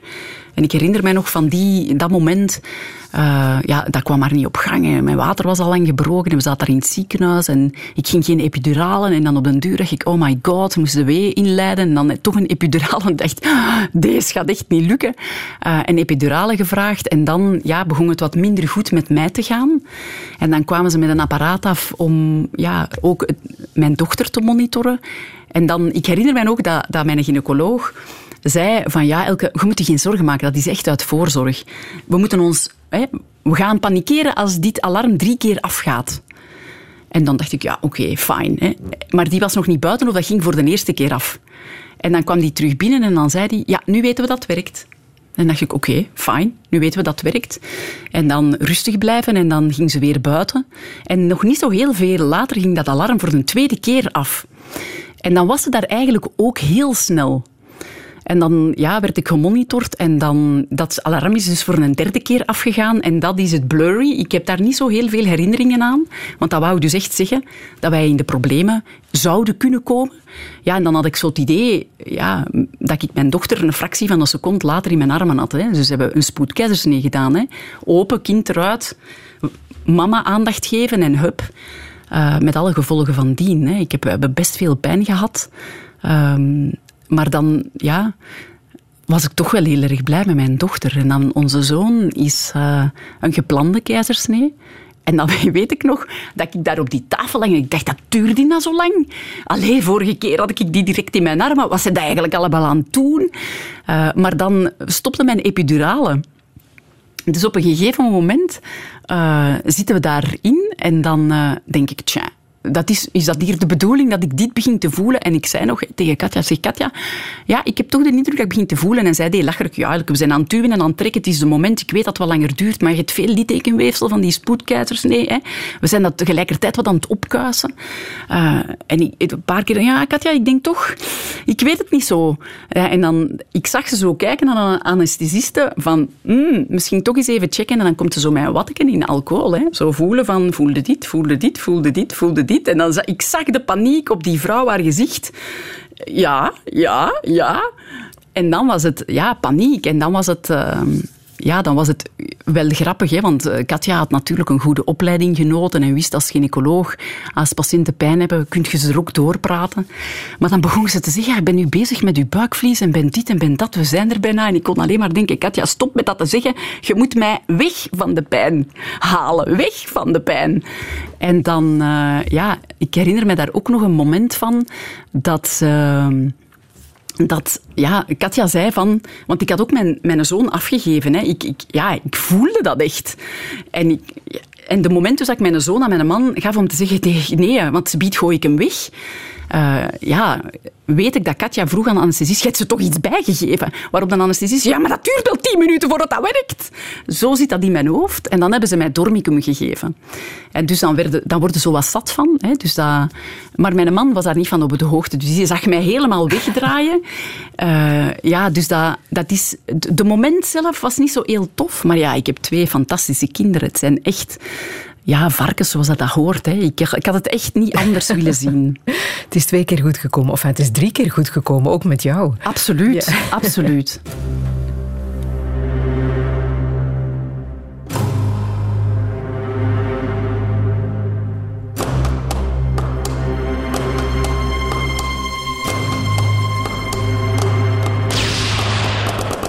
I'm gonna wake up, yes and no.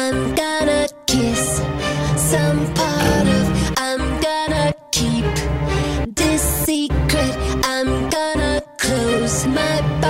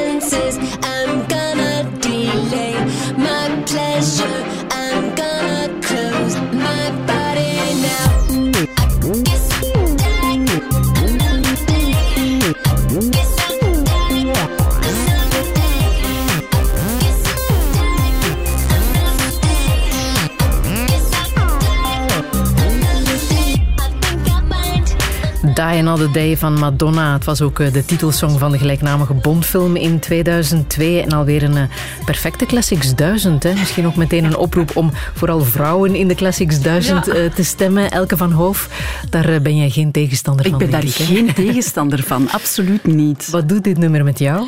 Ja, ik vind dat gewoon een geweldig goed gemaakt nummer. Dat geeft mij goesting om te dansen. Ik heb altijd al heel graag gedanst. ja, daar kan ik niet... Ja, dat brengt mij helemaal terug naar, naar mijn dansverleden eigenlijk. Jouw dansverleden? Ja, je ballet, hè, zo allemaal salonsport, hè, noem ik dat. Allemaal uh, rustig, hè. met de saus van luiheid. Hè. Bij mij, dit is de kern van mijn bestaan. Overal vind je die luiheid wel terug, maar ik dans wel heel graag, ja. En wanneer dans je nu nog? Wat zijn de gelegenheden? Met mijn kinderen, hè. In de living, met mijn, met mijn petekindjes, ja ja, op het moment niet zo heel veel meer, want vuiven zit er op dit moment niet zo in. Maar Alleen rond de keukentafel. Hè, ja, dat gaat ook. Hè. ja. Je bent er uh, vorige week, zoals je zei, 45 op. Ja. Klopt dat? Ja. Hoe heb je dat gevierd? Ja, je bent een bubbel.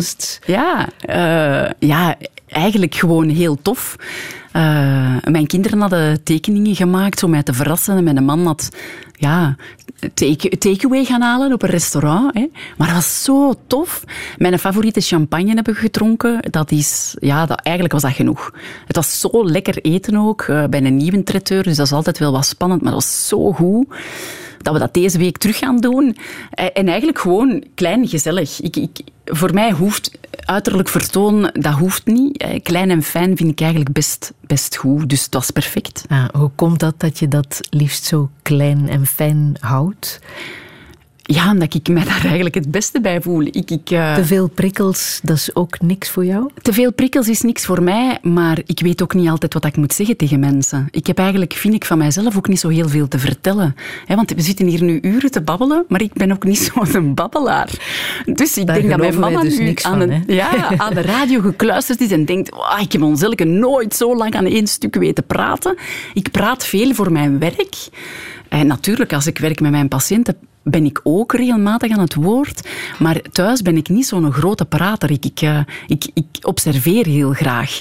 En dus zo'n grote events en waar je in het middelpunt van de belangstelling staat, ja, dat is zo eigenlijk niet aan mij besteed. Ik heb moeten leren om daar plezier van te hebben. Ik was ook, als je kijkt naar mijn middelbaar, helemaal niet zo'n goede presentator. Uh, ja, ik heb dat echt moeten leren. Ik heb echt moeten leren dat plezant vinden. En, en ja, nu weet ik hoe dat dan moet. Nu voel ik mij daar comfortabel bij. Heb ik mijn eigen onzekerheden overwonnen en denk ik, voilà, this is me, deal with it or move on. Ben jij zelf hoogsensitief? Ik vind dat ik, ik zie mijzelf in die categorie. Ja, absoluut. Maar ja, dat is net zoals een extravert of, of een introvert. Dat is geen zuil om je achter te verschuilen. Hè. Dat is, uh, heb jij blond haar, heb jij zwart haar. Dat is een van de kaarten die u zijn bedeeld en je speelt daarmee het beste spel. Wat zou je echt nog willen in het leven? Ik heb eigenlijk alles wat mijn hartje begeert, maar wat ik echt zou willen is werkelijke erkenning voor de geestelijke gezondheidszorg. Dat is echt. Als ik één ding, als ik één kaart mag trekken en zeggen van kijk Elke, uh, gegarandeerd succes, dan is het dat. Echt erkenning voor mental health en ook de professionals die daarin werken. Want ik vind dat wij vandaag worden gezien als een vuilkar er is een storm voorbij geraast en iedereen ligt daar zo wat half links. En ja, de vuilkar raapt de boel maar op en maakt de straat terug proper, zodanig dat we er nog eens kunnen doorrazen. En dat vind ik niet correct. Wij zijn niet de vuilkar. Als ik de metafoor van de koers pak, want we zitten een beetje in het koersseizoen, nog iets wat ik met mijn vader deed trouwens, naar de koers kijken, dat, uh, ja, dan zijn wij die Rodania-wagen, die van voor zegt, hola, hola, de koers komt eraan. Wij geven signalen, wij geven richting vanuit mental health, wij geven ook een beetje de snelheid aan en dan zijn wij evenzeer die professional die naast de presentator zit om signalen op te pikken, door te geven aan de volgwagens, waar dan de teams voor kunnen zorgen dat ze op het juiste moment bij hun teamleden zijn. Dat zijn wij ook. Wij zijn de rode lantaarn. Die zegt vanaf hier wijk je af van de groep en moeten we u extra aandacht geven. En ja, wij zijn dan ook die generieke, ik weet niet hoe dat, dat noemt, maar er is altijd zo'n auto met zo'n wielen voor iedereen. Als je het nodig hebt, extra hulp, we zijn er. En ja, dan zijn wij ook de ziekenwagen. En ja, wij zijn dan achteraf ook de vuilkar. Maar de bedoeling is wel dat, dat dat minimaal werk is. Nu zijn wij eigenlijk alleen de vuilkar. En dat vind ik niet correct. Dus als er één ding is waar ik het punt wil maken in mijn eh, carrière, dan is het dat punt. Daar hangt een prijskaartje aan vast. Daar hangt een prijskaartje aan vast, absoluut. En en Iedereen dat is, wat vol... op dit moment de hindernis is? Absoluut. En altijd geweest. Hè. Iedereen is vol van hoe belangrijk mental health, eh, welbevinden, veerkracht. Iedereen wil het. Maar als, het, hè, als we komen met de rekening, dan is dat een heel ander verhaal. En dat is zo bij de overheid, dat is ook zo bij organisaties. Wij hebben eigenlijk nog niet heel goed begrepen de winst dat dat kunnen halen als iedereen gewoon de beste versie van zichzelf kan zijn. Mm. Welke boodschap wil je nog meegeven? Ja, als ik er dan één uitkies, is het die. Hè? Mhm. Het is zo perfect als je gewoon de beste versie van jezelf bent. En dat is niet altijd een topversie. Hè? Dat is soms op 80%, soms op 100%, misschien af en toe op 150%, maar soms ook 50%. Je zet gewoon je beste beentje voor, gezien de context waar dat je in zit. En wees daar blij mee. En ook voor anderen, erken dat iedereen de beste versie van zichzelf probeert te blijven. En dan denk ik dat we heel goed bezig zijn. Zullen we nog eindigen met het coronanummer van het afgelopen jaar, dankzij de Jerusalemma Challenge. Hè? Dansje dat uh, viraal ging dankzij een uh, groepje Angolese vrienden. Uh, een belangrijke betekenis heeft dit nummer ook voor jou? Belangrijke betekenis, ja. Het was zo spontaan gegroeid en, en zo essentieel dat ons zorgpersoneel af en toe al die zorgen kon opzij zetten. Uh, ja, ik heb daar echt van genoten, van al die filmpjes. Recent hebben ze zo filmpjes van de Zwitserse politie en zo, hè, die op daken staan. Ik vind dat echt geweldig. Ik hoop dat we dat, dat, we dat behouden. Hè. Het is echt een eerbetoon van het uitzonderlijke dat ze hebben gedaan. Ook onze geestelijke gezondheidsprofessionals, die mogen we niet vergeten. En als laatste het overheidspersoneel. Die wil ik toch ook even in de bloemetjes zetten. Want ik ben het misschien niet altijd eens. Hè. En ik vind ook niet dat het altijd even goed gaat. Maar je kunt niet ontkennen dat ook al het overheidspersoneel al een jaar aan het knallen is.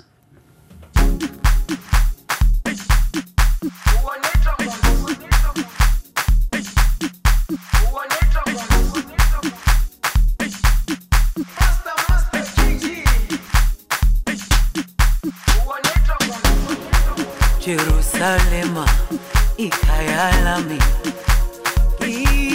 ilondoloze uhambe nami zungangishilana Jerusalema ikhaya lami ilondoloze uhambe nami zungangishilana dawo yami ayikholana buso wami awukholana. Ilondoloze zuhambe nami. Dawo yami ayikholana buso wami awukholana. Ilondoloze